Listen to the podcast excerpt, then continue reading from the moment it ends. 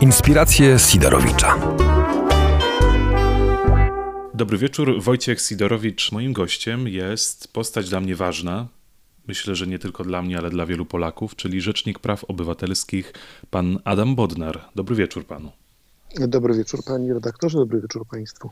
Trochę e, niezwyczajne mamy czasy, jak widać również pod względem mediów.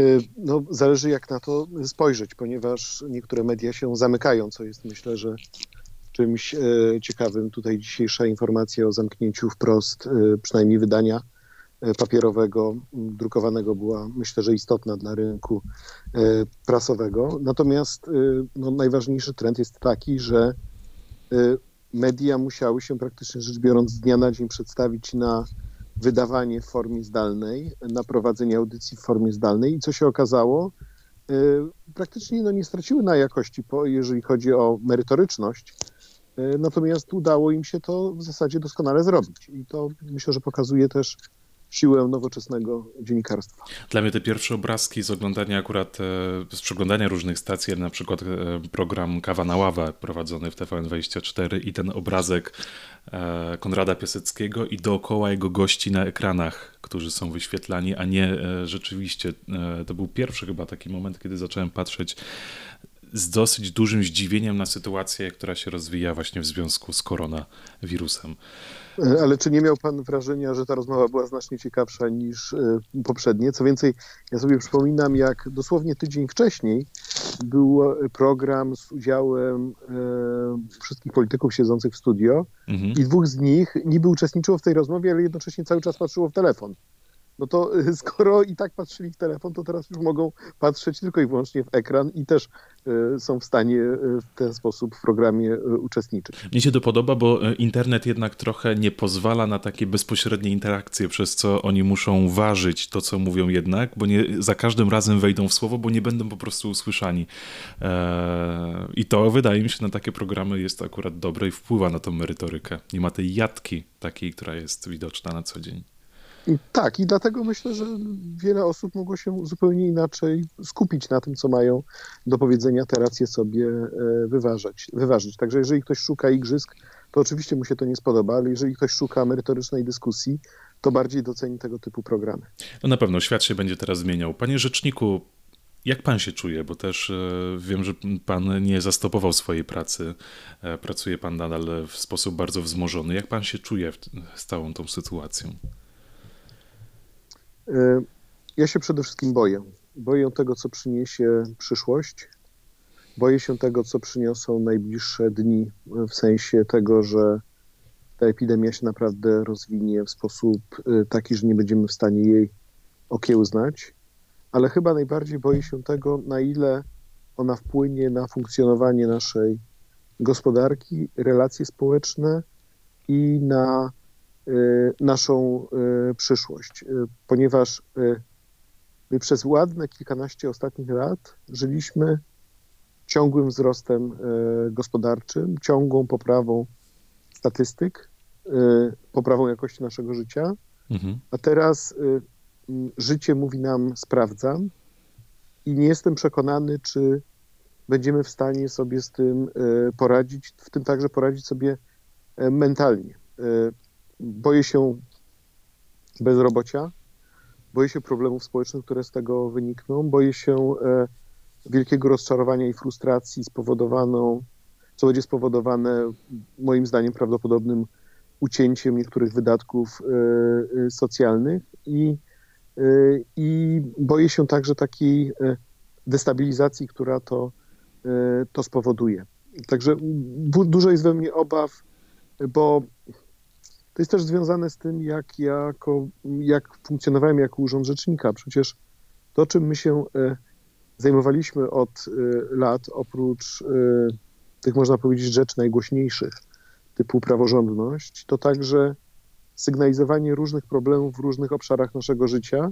I widzieliśmy, jak wiele obszarów jest powiązanych sznurkiem, powiązanych takim mało mocnym sznurkiem wręcz od snopowiązałki, i teraz obecna sytuacja mówi sprawdzam i to jest bardzo bolesne sprawdzam, bo ten sznurek się w wielu miejscach e, rozrywa i pokazuje czarno na białym, jak nasze państwo słabo funkcjonowało i jak nikt nie chciał za bardzo słychać, słuchać takich głosów merytorycznych wzywających do naprawy Rzeczypospolitej. Czyli pan myśli, że my nie, nie zdaliśmy egzaminu? Mieliśmy możliwość przygotowania się wcześniej, żeby jeszcze inaczej podejść do tej sytuacji? Ja, ja, oczywiście ja myślę, że nie jesteśmy w stanie się przygotować do, e, do wszystkich zagrożeń. E, nie jesteśmy w stanie e, przewidzieć rozwoju sytuacji, ale no ja, ja podam prosty przykład. Status pielęgniarek.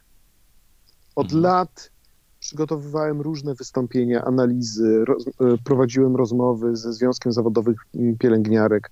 Mówiliśmy, że starzeją się, starzeje się e, populacja pielęgniarek, następuje migracja zarobkowa, e, nie ma zastępowalności pokoleń i w zasadzie poza jakimiś takimi drobnymi korektami na zasadzie wzrostu wynagrodzeń i to nic takiego radykalnego się nie działo, tak?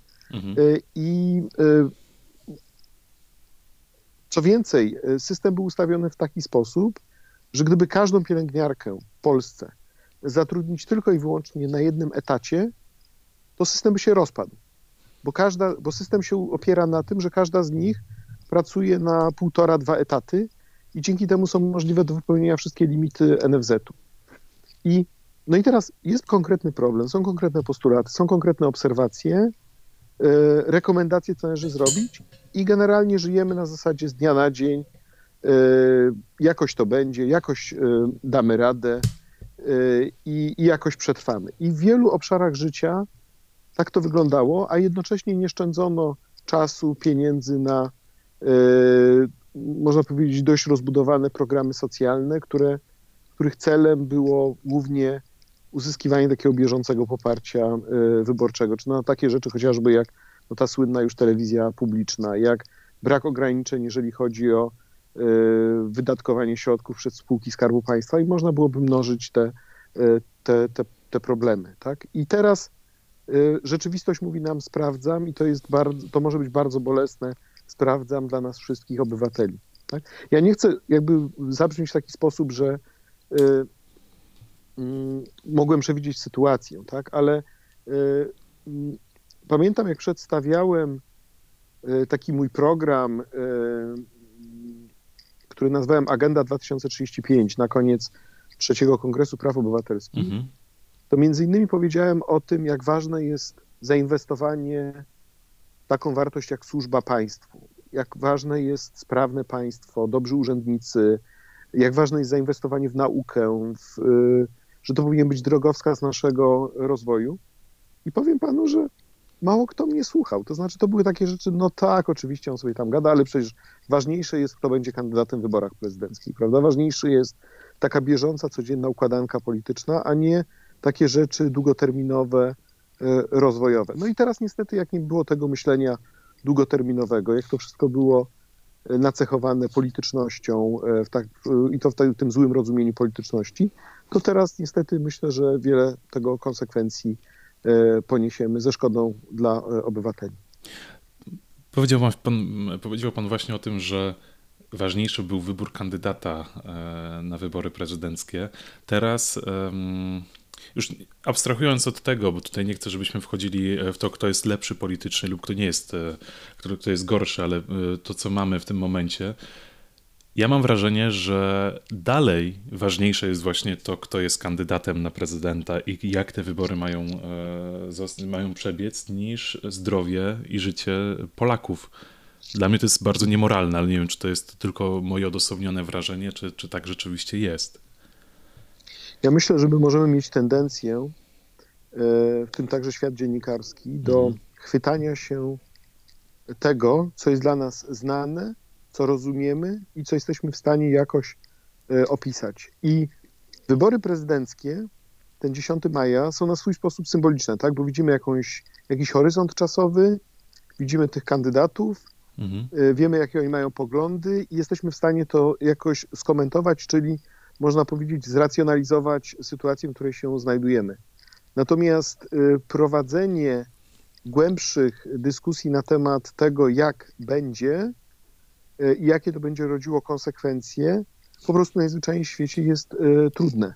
Mhm. I, I my trochę uciekamy od takiego mierzenia się prawdziwego z rzeczywistością, no bo mm, trudno jest sobie wyobrazić, jeżeli żyliśmy w tym, powiedziałbym, względnym takim komforcie dobrobytu w ciągu ostatnich lat, na przykład trudno sobie wyobrazić, że za chwilę będzie zamiast tych kilku procent bezrobotnych będzie kilkanaście procent bezrobotnych, mhm. a może nawet 20-25% bezrobotnych. Albo że nie będziemy mieli wzrostu gospodarczego, tylko będziemy mieli minus 3. I co to oznacza dla, y, to są y, dla naszej gospodarki i dla naszego codziennego y, funkcjonowania, co może oznaczać polityka oszczędnościowa. To, jest, to są takie myśli, które od siebie chyba odpychamy, Natomiast proszę zauważyć, że ekonomiści e, o tym mówią. Tak? Tu bardzo ładnie się o tym wypowiada, wypowiadał ostatnio i profesor Kołotko, i profesor Hausner, no bo oni e, tego typu kryzysy i tego typu sytuacje analizują, jeżeli chodzi na poziomie makroekonomicznym w innych państwach i, i, i wiedzą, że to, co było naszym dziełem, na, e, dziełem naszej i częścią naszego życia ostatnich lat, to być może nie był, nie był zupełnie normalny i zwyczajny proces e, e, rozwojowy. Ale myślę, że to, że chwytamy się tematów typu wybory prezydenckie, czy kto jest kandydatem, mhm. jest pewną próbą takiego oswajania codziennej e, rzeczywistości. Czyli, że nie powinniśmy jednak tego się do końca chwytać, tylko też o różnych innych rzeczach bardziej dalekosiężnie myśleć. No, taką mam, taką mam nadzieję, przy czym mhm. musimy pamiętać o, o jednej rzeczy, że ten, ta epidemia aktualna, ją trzeba rozpatrywać na y, kilku poziomach. Po pierwsze, i to jest to, co nam jest najbliższe, to jest ten poziom y, odpowiedzi na bezpośrednie zagrożenie, czyli ratowania ludzi, y, stosowania prawda, kwarantanny, stosowania środków izolacyjnych, tej polityki państwa, która ma na celu odepchnąć to najbliższe zagrożenie albo spowodować, że spowoduje ono jak najmniejszej straty w życiu i zdrowiu ludzi. Mhm. To jest ten pierwszy poziom i on jest, y, siłą rzeczy będzie najbardziej newsowy i będzie nas najbardziej interesował. Natomiast ten drugi poziom, no to jest konsekwencja tego wszystkiego i my już w taką dyskusję wkraczamy, już w zasadzie w niej jesteśmy, bo widzimy, że to nie chodzi tylko i wyłącznie o ochronę tych, którzy są y, potencjalnie zagrożeni, tylko jakie to ma wszystko skutki dla y, naszej gospodarki, dla naszego życia społecznego, dla naszego przetrwania i dla y, w ogóle funkcjonowania całego państwa. To jest ten drugi poziom. No a trzeci poziom, o którym w ogóle już nie myślimy, a, a będziemy musieli w którymś momencie, y, to jest poziom współpracy międzynarodowej. Co to oznacza dla Unii Europejskiej, co to oznacza dla G7, G20, Międzynarodowego Funduszu Walutowego, czy też dla ONZ-u. Co to oznacza dla współpracy multilateralnej, jaką Polska może w tym zakresie rolę odegrać? Czy dalej będziemy tym państwem, które się będzie dąsało na Unię Europejską, czy też może jednak uznamy, że ta wspólnota jest nam po coś potrzebna i że może jednak warto w integrację europejską inwestować i na przykład rozszerzyć ją na e, ochronę zdrowia. Ale to jest też zmiana paradygmatu naszego myślenia o, mm, e, o polityce zagranicznej. No i też powstaje duże pytanie, czy z aktualnie rządzącymi ta zmiana paradygmatu w ogóle będzie e, możliwa. Czy, e, czy być może sytuacja nie wymusi e, tego, że nastąpi jakieś bardzo gruntowne, głębokie też przetasowanie na scenie politycznej. No wszystko, jak się okazuje, w tym momencie jest możliwe. Chociaż tutaj, jak pan mówi o tej Unii Europejskiej, to trudno na nią patrzeć niekrytycznie w tym momencie, chociażby biorąc pod uwagę to, że Włochom kto pomógł najbardziej? Chiny i Rosja, e, biorąc pod uwagę e, tę, tą sytuację, którą mają. Więc to też chyba pokazuje takie ja, zawahanie. Ja, by, ja, bym, ja bym z tym uważał, bo mhm. jednak jeżeli eksperci mówią o tym, że e, Chiny i Rosja inwestują masowe środki w dezinformację, mhm. to skąd my mamy wiedzieć, że faktycznie się nie stało w ty, tak w tym momencie, tak? Proszę zauważyć, my nie dyskutujemy teraz, nawet dzisiaj, nie dyskutujemy o e, epidemii koronawirusa w Rosji, mhm. bo prawdopodobnie jest e, absolutny zakaz mówienia o tym, ale jednocześnie z jakichś powodów Putin przełożył e, referendum konstytucyjne, tak? I wysłał teraz cały naród na tygodniowy urlop, tak jak to zostało nazwane, tak? Czyli też mają kwarantannę. Mhm. E, ale proszę zauważyć, nie mówi się o tym, o, tam o epidemii, nie mówi się o wskaźnikach, bo prawdopodobnie jest taka polityka informacyjna, żeby na zewnątrz prezentować się jako to państwo, które rzekomo sobie radzi lepiej niż USA, niż Chiny, czy niż e, Unia Europejska. Także ja bym tutaj może poczekał mhm. E, jednak trochę czasu na ocenę, kto faktycznie pomógł i jak. I jednak przypominałbym o tym, że Unia Europejska nie ma polityki, e, jeżeli chodzi e, o współpracę w zakresie ochrony zdrowia. To zawsze było domeną indywidualnych państw e, członkowskich. Państwa członkowskie z różnych powodów ideowych, finansowych nie chciały, aby Unia te polityki zdrowotne koordynowała. I teraz nagle jest pretensja do Unii, że Unia w tym zakresie nie, nie pomogła. Także tu bym gdzieś mimo wszystko szukał ta prawda jest gdzieś pośrodku. Być może ta reakcja jakaś powinna była być wcześniejsza, może jakieś pieniądze y, awaryjne powinny być wcześniej wydane, ale mogło być też tak, że, że nie została doceniona skala, tak? Także mhm. przez y, polityków y, zachodnioeuropejskich i tym po prostu było to, to mm, motywowane. Także, a jeżeli politycy mm, stolic europejskich problemu nie doceniali, no to też i sama Unia nie była na tyle kasandryczna, żeby to dostrzec i być może ruszyć odpowiednio wcześniej e, e, z pomocą. No, tu ma Pan słuszność całkowitą. Rzeczywiście powinniśmy jeszcze przeczekać i obserwować na spokojnie, co się po prostu dzieje. A wracając do Pana roli, Panie Rzeczniku, do roli Rzecznika Praw Obywatelskich, Pana zapewne, tak jak nas wszystkich, sytuacja na świecie i tym samym w Polsce bardzo zaskoczyła. Czy Pana praca w związku z tym również się zmieniła? Czy Polacy bardziej w tym momencie potrzebują Rzecznika Praw Obywatelskich? Na pewno zmieniła się praca, jeżeli chodzi o charakter wykonywanej pracy, mhm. bo ponieważ musieliśmy praktycznie rzecz biorąc z dnia na dzień y, przejść na pracę zdalną. Y, szczęśliwie y, ja mam bardzo dobre biuro i dobrze zorganizowane. Mm, naprawdę ja sporo czasu przez ostatnie lata inwestowałem w to, żebyśmy E, pracowali ze sobą na dużym poziomie zaufania i, e, i, i można powiedzieć takiego wytrwania e, w takim, w tym, że no nie byliśmy traktowani jak, można powiedzieć, pupilek władzy, mhm. tylko wręcz przeciwnie, ale to spowodowało wytworzenie bardzo takich dobrych, mocnych więzi i, i też zrozumienia, jak wielką rolę mamy do odegrania w społeczeństwie, jak ważni jesteśmy dla obywateli. I teraz, jak przyszło do przejścia na pracę zdalną, to okazało się, że mamy wszystkie systemy komputerowe. Trochę nam brakuje komputerów, ale jakąś część na tyle, na ile mieliśmy środków, to dokupiliśmy. E, mamy taki system wymiany dokumentów, który jest stosowany przez całą administrację, ale e, my też stosujemy i też e, wiemy, jak z tego mm, korzystać, jak się komunikować. Założenie grup roboczych na Microsoft Teams to też nie był jakiś wielki problem i funkcjonowanie w tym zakresie. Także w zasadzie mm, w ciągu kilku dni się przestawiliśmy na pracę zdalną, no i tak to już trwa od ponad półtora tygodnia, że pracujemy zdalnie. Ciągu pierwszego tygodnia przygotowaliśmy i wysłaliśmy łącznie ponad 20 e, wystąpień generalnych. To są wystąpienia generalne są dla nas bardzo ważne, bo to są takie pisma, gdzie my przygotowujemy już dość dojrzałą, porządną argumentację i wskazujemy, co, jest, co źle działa, co należy naprawić, gdzie standard nie jest, e, nie jest wypełniony. Niektóre z tych wystąpień naprawdę są długie i kompleksowe. Mhm. E, I to jest dobry wynik. I to mówię o tych 20 wystąpieniach tylko dotyczących koronawirusa. Na bieżąco pracuje infolinia, która y, odpowiada na różne pytania obywateli. Podejmujemy interwencje w sprawach indywidualnych.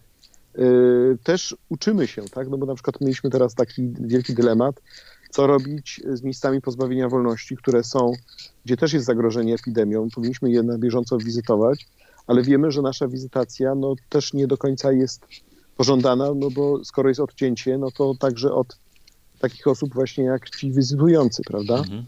Y, I to też musieliśmy porozmawiać z naszymi partnerami zagranicznymi się zastanowić, jak do tego problemu podejść i jakie oni mają standardy w, w takiej sytuacji.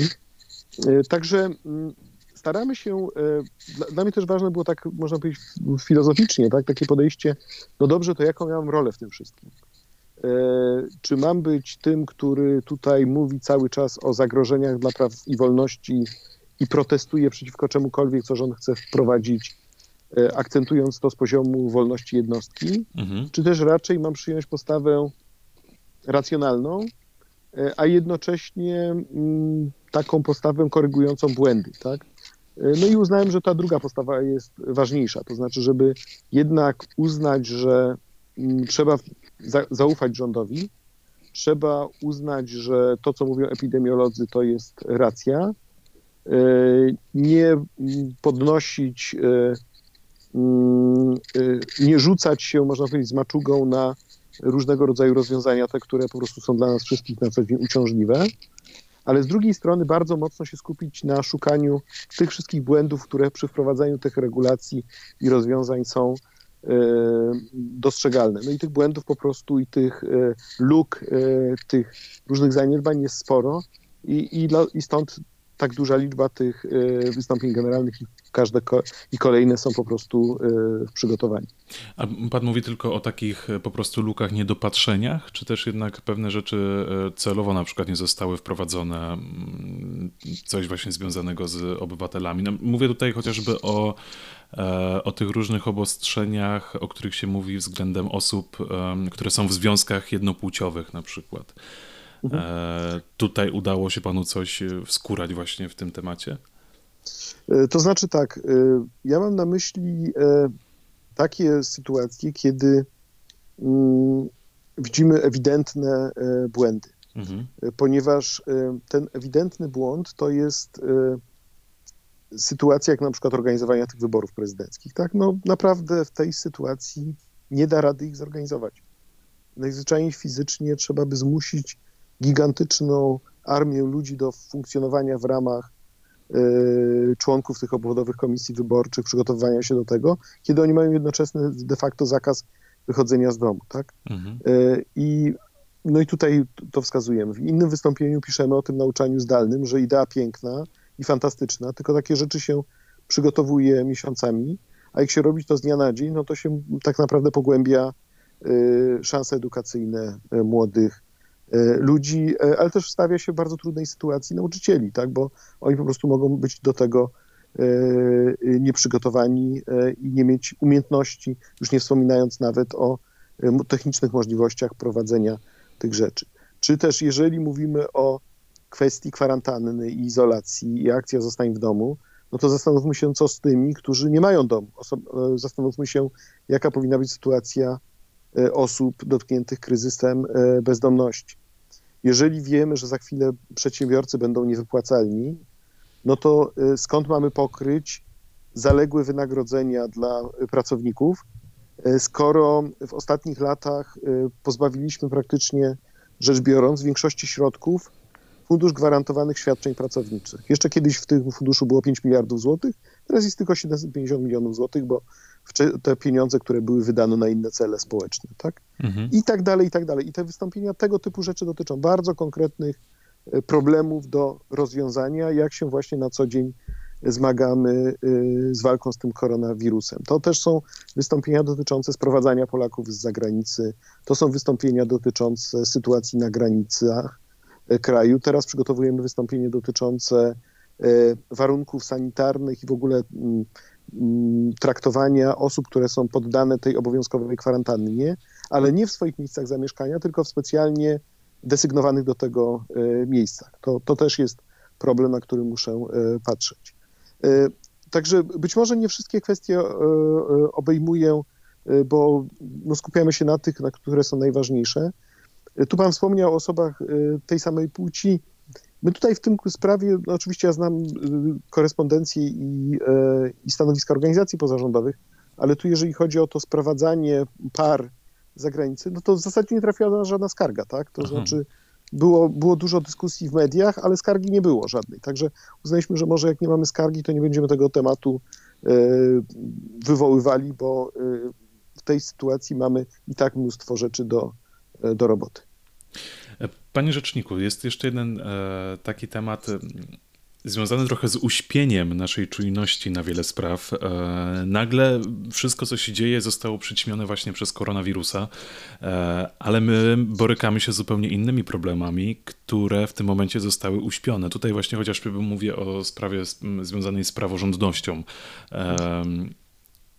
Jak pan myśli, to będzie tak, że my po, jako, jako po prostu jako obywatele, jako zwykli obywatele, e, nasza czujność zostanie uśpiona e, i my zapomnimy w ogóle, przyzwyczajimy się do tego, co jest i zapomnimy później o tych sprawach, żeby o, o coś właśnie apelować, o coś walczyć?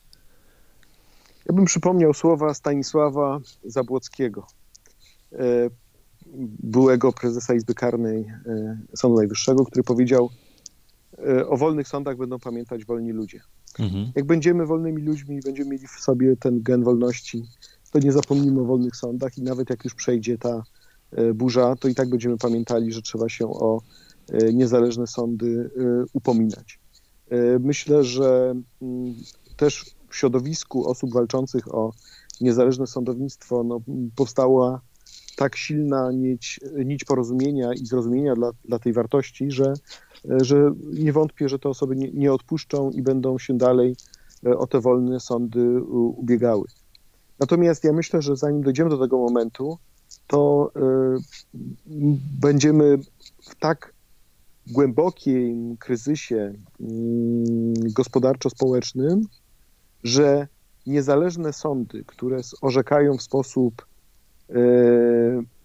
niezależny od woli władzy, to będzie co, będzie rzeczą jakąś taką zupełnie oczywistą dla nas wszystkich. To znaczy, jak będziemy mieli tych e, bezrobotnych, osoby, których, które państwo na różne sposoby zawiodło, e, które państwo, które nie dowiozło e, określonego świadczenia pomimo obietnic, to to będzie naturalne dla ludzi, że będą szli do sądów z tymi sprawami i od sądów będą oczekiwali niezależności, a jednocześnie myślę, że taki mandat moralny tej władzy, która próbuje narzucić sądom swoją wolę, po prostu w tak zwanym międzyczasie ulegnie e, znaczącemu e, osłabnięciu. Także być może tak, tak myślę, że to może troszeczkę pójść w takim kierunku, że wcale nie moim zdaniem podbudowania systemu autorytarnego, tylko wręcz e, wykazanie przez ten kryzys różnych słabości państwa mhm.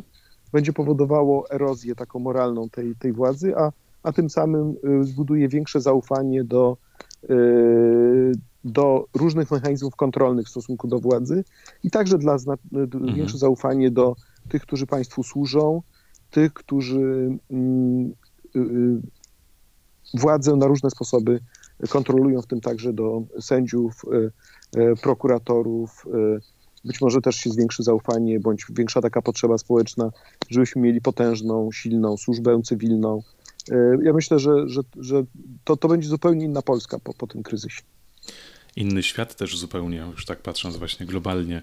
E, chciałbym jeszcze ostatnie pytanie właśnie w temacie tego koronawirusa zadać, bo również e, chciałbym o parę rzeczy o Pana po prostu zapytać. Więc ostatnie pytanie tego dotyczące. Mówił Pan o tym, o swojej roli. Czy powinien Pan być opozycją do działań rządu, czy powinien Pan zaufać właśnie władzy? Biorąc pod uwagę nasze dotychczasowe działania, pan e, ufa temu, co właśnie władza robi, e, temu, jakie właśnie e, zasady wprowadza, jakie wprowadza zakazy? Ja myślę, że trudno jest to podważać co do zasady, kiedy inne wiodące demokracje wprowadzają podobne rozwiązania i trudno tym wiodącym demokracjom zarzucić jakąkolwiek złą wolę czy jakąkolwiek niedemokratyczność e, postępowania. Mam tutaj na myśli w szczególności takie państwa jak Niemcy e, czy Francja. Mhm. E, zauważmy, że dojrzała demokracja, jaką jest Wielka Brytania, poszła innym tropem niż Polska, a jednak po kilku dniach się zorientowali, że to jest błąd i mm, przekonał ich, jak rozumiem, artykuł profesora Fergusona z Imperial College w Londynie, który wskazał, że jeżeli pójdą tym tropem e, tej, można powiedzieć, swoistej gatunkowej odporności, tak, bo to chyba tak było mhm. formułowane, herd immunity, no to będą mieli po prostu wielką, gigantyczną katastrofę e, w postaci e, wielu ofiar śmiertelnych.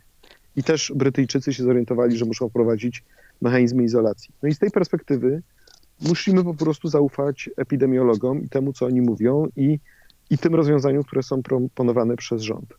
Natomiast y, nie ufam tej władzy, jeżeli chodzi o to, czy jest faktycznie przygotowana na kryzys. No bo najpierw byliśmy zapewnieni, że y, szczepion, że starczy tych y, testów, a teraz już wiemy, że to nie chodziło o to, czy ich starczy, tylko o to, czy, na ile nasza służba zdrowia ma wydolność, żeby te testy przeprowadzać. Także się okazało, że wydolność jest tak słaba, bo znowu nie inwestowaliśmy przez lata w diagnostykę laboratoryjną, zawód diagnosty, e, w odpowiednią liczbę miejsc, gdzie można byłoby te testy przeprowadzać, się nagle okazało, że cała wyporność państwa jest e, niewielka i mogę się tylko cieszyć, że są takie firmy jak Warsaw Genomics, która z dnia na dzień powiedziała, że jako firma prywatna będzie robiła tysiąc testów dziennie, prawda? To profesor Jażdżewski to właśnie mhm. E, teraz zapoczątkował. No to można się tylko cieszyć, że w ten sposób prywatny przedsiębiorca chce wspierać państwo w tych trudnych chwilach. No i też trudno mi zaufać, jak widzę te wszystkie doniesienia dotyczące zabezpieczenia szpitali, środki dezynfek dezynfekcyjne, w odzież ochronną, w przygotowanie szpitali. No tu niestety ta chyba polityka wiązania tym sznurkiem od snopowiązałki no, wychodzi, tak, i, i, e, i po prostu każdego dnia tego doświadczamy. No i, e, i cóż, mogę mieć jedynie nadzieję, że e, rząd zrobi wszystko, co w mocy, aby nadrobić ten utracony czas i a druga moja nadzieja jest taka, że może faktycznie ta krzywa zachorowań się tak zakrzywi, to tak by się zakrzywi w którymś momencie, że że ten system zdrowia sobie jakoś z tym poradzi, że nie dojdziemy do sytuacji Hiszpanii czy, czy Włoch. No to tylko taką nadzieją możemy w tym momencie żyć, bo już także tak to widzę, że znowu to jest jeżeli chodzi o wprowadzenie środków izolacyjnych, to rządowi powiedziałbym, że ufam i uważam, że tak powinniśmy w tym kierunku iść i że chyba nie ma innego rozwiązania, skoro inne państwa wprowadzają dokładnie takie same rozwiązania, niektóre nawet są może opóźnione. Jeżeli chodzi natomiast o przygotowanie całej służby zdrowia, to raczej codzienne fakty wskazują, że tutaj e, za bardzo nie można e, ufać i że to mm, niestety grozi, e, że, że żyjemy gdzieś na pograniczu jakiejś dużej katastrofy także z tego powodu. Powiedziałem dzisiaj u siebie też również na profilu na Instagramie o tym, że będę z panem rozmawiał, więc mam do przekazania E, wiadomość, którą właśnie dostałem. Błagam, podziękuj mu, czyli tutaj panu, rozumiemy, mhm. za wszystko, co robi dla nas e, wszystkich i każdego z osobna. I przekaż, że jest wspaniałym człowiekiem, który znalazł się na odpowiednim stanowisku. No, no, bardzo miło, dziękuję serdecznie. Dzięki za, za słowa wsparcia. Tak, ostatnio więcej faktycznie słyszę słów wsparcia niż hejtu, co jest yy, miłe. Wczoraj była dobra wiadomość dla Urzędu Rzecznika. Naprawdę mhm. się moi ludzie ucieszyli, bo CBOS opublikował badania zaufania do e, instytucji publicznych. No i nam wzrosło 4%. Według CBOS-u 47% obywateli dobrze ocenia pracę Urzędu Rzecznika Praw Obywatelskich, a tylko 13% negatywnie ocenia, co, co jest e, wzrostem o 4%, jeżeli chodzi o poziom, można powiedzieć, zaufania i, i spadek o 3, jeżeli chodzi o poziom złych ocen. To, to jest myślę, że niezły wynik, tym bardziej, że zawsze szliśmy, e, można powiedzieć, ramię w ramię z NIK-iem, z Najwyższą Izbą Kontroli, mhm. a teraz NIK-owi dramatycznie spadło, a, a my jakby cały czas się trzymamy na, no, zwyż, nawet podwyższamy nasz poziom zaufania. Także to, to jest na pewno dobra wiadomość. No i też mogę pogratulować. Ja akurat mieszkam bardzo niedaleko e, powodu, dla którego nikt może tracić tą, tą okay. tutaj w Krakowie tą, e, tak. to zaufanie. I właśnie też e, o tym wsparciu pan powiedział, że to jest też ważne, ale pan reprezentuje bardzo dużą instytucję, jaką jest Rzecznik Praw Obywatelskich. To jest całe, całe ogromne biuro. Ale chciałbym również zapytać teraz o pana, pana jako Adama Bodnara. Jak pan sam próbuje odnaleźć się w tej sytuacji właśnie tej trudniejszej, którą mamy? Ma pan jakieś swoje sposoby na odstresowanie się, na odreagowanie? No cóż, jak wszyscy jestem w domu. E, byłem przed tym, przed e, tym kryzysem w Kanadzie przez kilka dni na wykładach. E, wróciłem w sobotę i z żoną uznaliśmy, że powinniśmy zostać w, w ramach takiej samoizolacji. Także jesteśmy tutaj od prawie dwóch tygodni razem z małym synkiem. No jest nam dobrze razem.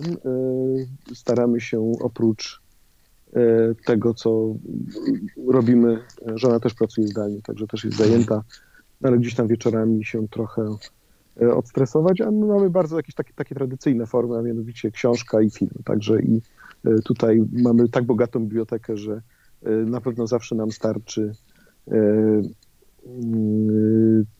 pozycji do przeczytania. No a do tego bardzo lubimy kino i, no i to jest nasza forma takiego relaksowania się.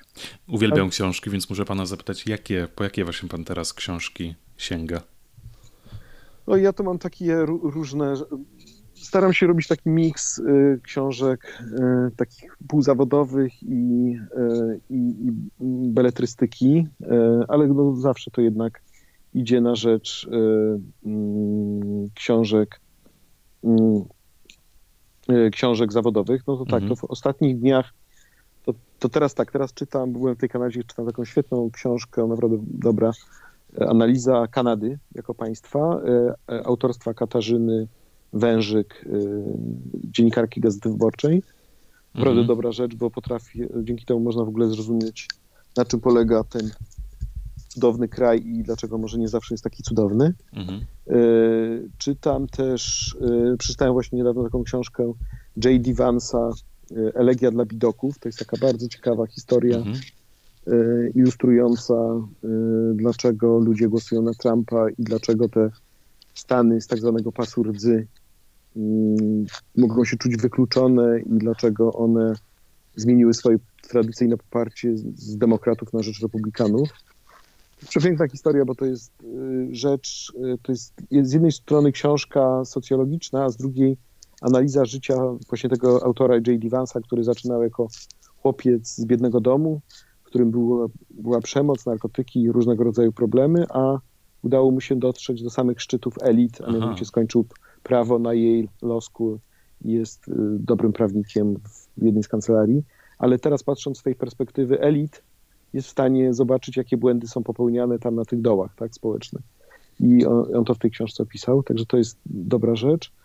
Przeczytałem, y, no mi się podobała, ta książka Normalni ludzie z Sally Rooney. Y, ona teraz jest taka, to jest irlandzka pisarka, która E, opisuje relacje między młodymi ludźmi i kłopoty z nawiązywaniem związków e, miłości, mm, zobowiązania w stosunku do siebie samych. Bardzo taki ciekawy, nietypowy styl literacki, ale, ale myślę, że, że, że słusznie, że ta książka jest, jest promowana.